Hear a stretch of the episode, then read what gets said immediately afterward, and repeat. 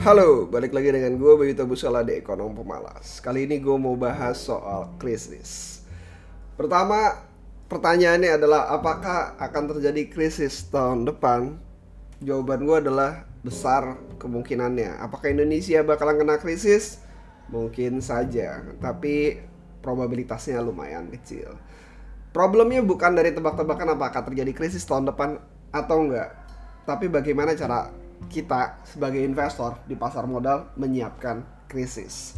So uh, ini yang bakal gua gua bicarakan ya dan gua ngelihat ini dari sebuah view yang gue pikir dari uh, beberapa tahun yang lalu beberapa bukan beberapa tahun yang lalu dari waktu yang cukup panjang gue melihat uh, beberapa kesamaan akan terjadinya krisis.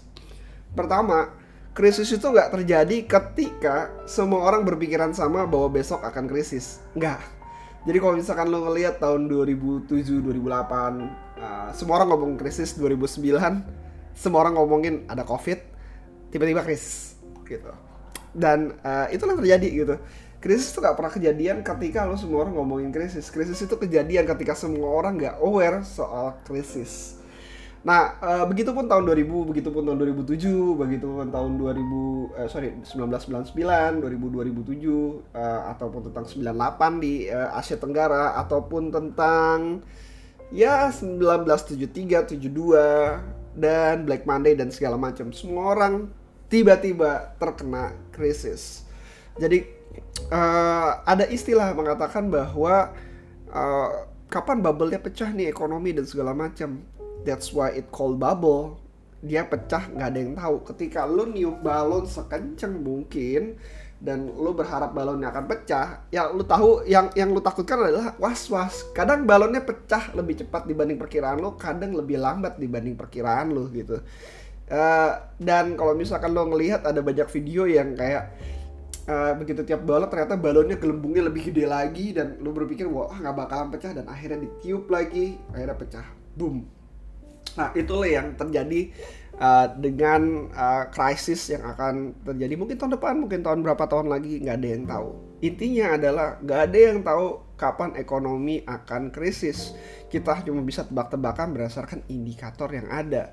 Dan sama pula dengan negara ataupun bank sentral di berbagai negara, mereka cuma bisa ngelihat dari sisi uh, indikator ekonomi aja. Dan dari indikator ekonomi mereka melakukan tebak-tebakan. Apa yang harus kita lakukan nih? Apa antisipasi apa yang harus kita lakukan? Nah itu dari sisi krisis. Berikut ya apa yang harus kita lakukan gitu. Nah uh, setelah gue ngomong yang pertama tadi ada lagi muncul yang kedua yaitu adalah ketika sebelum krisis semua market terbang gue nggak punya data yang cukup lama tapi ini berdasarkan pengalaman gue ngelihat datanya. Gue lupa ataupun nggak lihat kayaknya ya uh, beberapa data benar-benar kayak skip. Mungkin ada beberapa orang yang bisa bantu gue bahwa begitu menjelang krisis semua market itu uh, bukan tanking tapi benar-benar rally-nya gila-gilaan. Dan begitu dia rally semua orang beranggapan kita bebas dari krisis sehingga terjadilah krisis. Nah uh, di di antara itu udah pasti lah ada market tanking, ada market yang rally, terus tanking lagi, rally lagi ya pasti akan ada lah. Walaupun tankingnya kelihatannya, wah ini kayaknya kayak bakal krisis, tapi turunnya nggak begitu banyak dan begitu krisis turunnya langsung bam. Boleh dicek, tapi itu yang gue lihat. Sehingga masuk ke kategori yang ketiga, ketika krisis, apa? Ketika orang-orang berbicara krisis, beli ketika lagi murah gue baru aja dengar uh, podcastnya Howard Marks walaupun dia investor dari uh, obligasi. Yang menarik adalah uh, kalimatnya gue pengen nge-share ini di, di di di Instagram. Unfortunately gue gak ngerti caranya karena dia menggunakan podcast. Uh, dia ngomong gini dan ini menarik.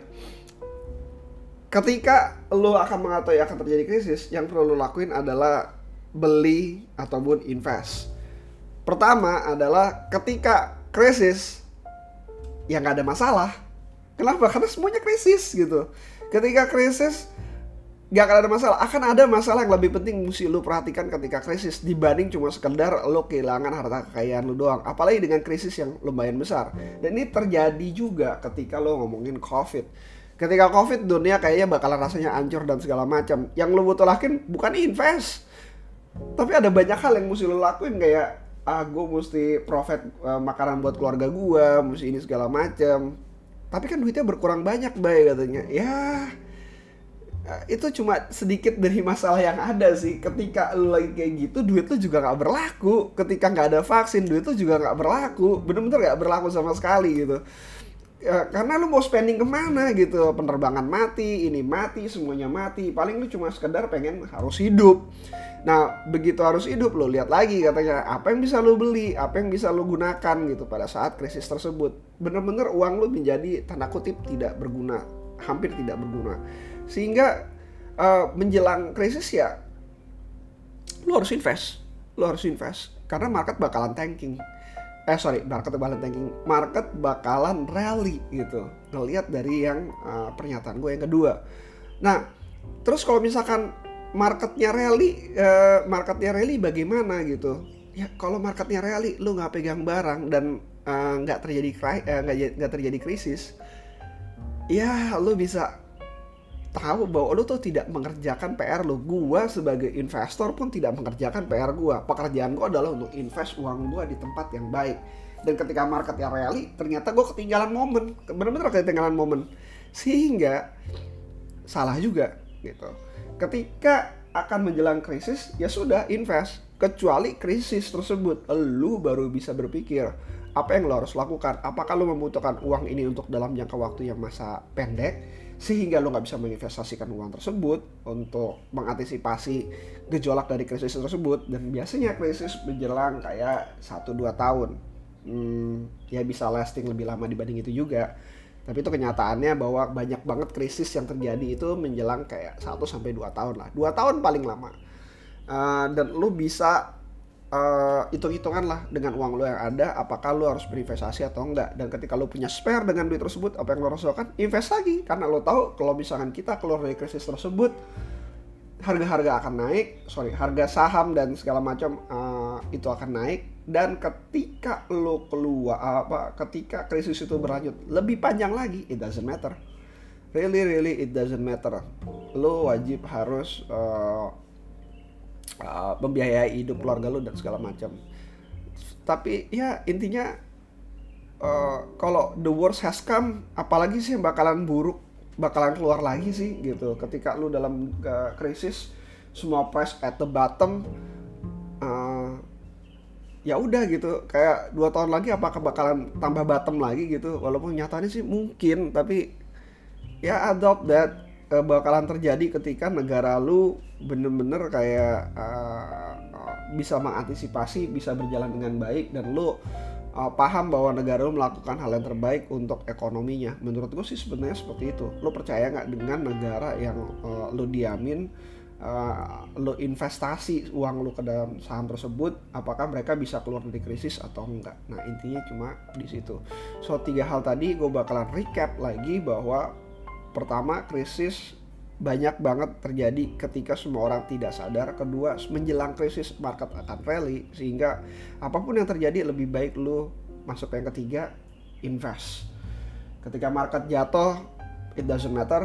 Ketika market naik, lo masih akan mendapatkannya. Yang penting adalah lo paham dengan apa yang lo investasikan dan lo punya framework ketika melakukan investasi. Buat gue sendiri untuk uh, apa ya untuk menghindari krisis dan karena uang gue juga masih kecil ya 50% on the top trim. Kalau misalkan jatuh cut keluar dan uh, mulai berpikir lagi apakah market akan jatuh lebih dalam lagi atau lo bisa masuk ke market tersebut dengan cara mencicil.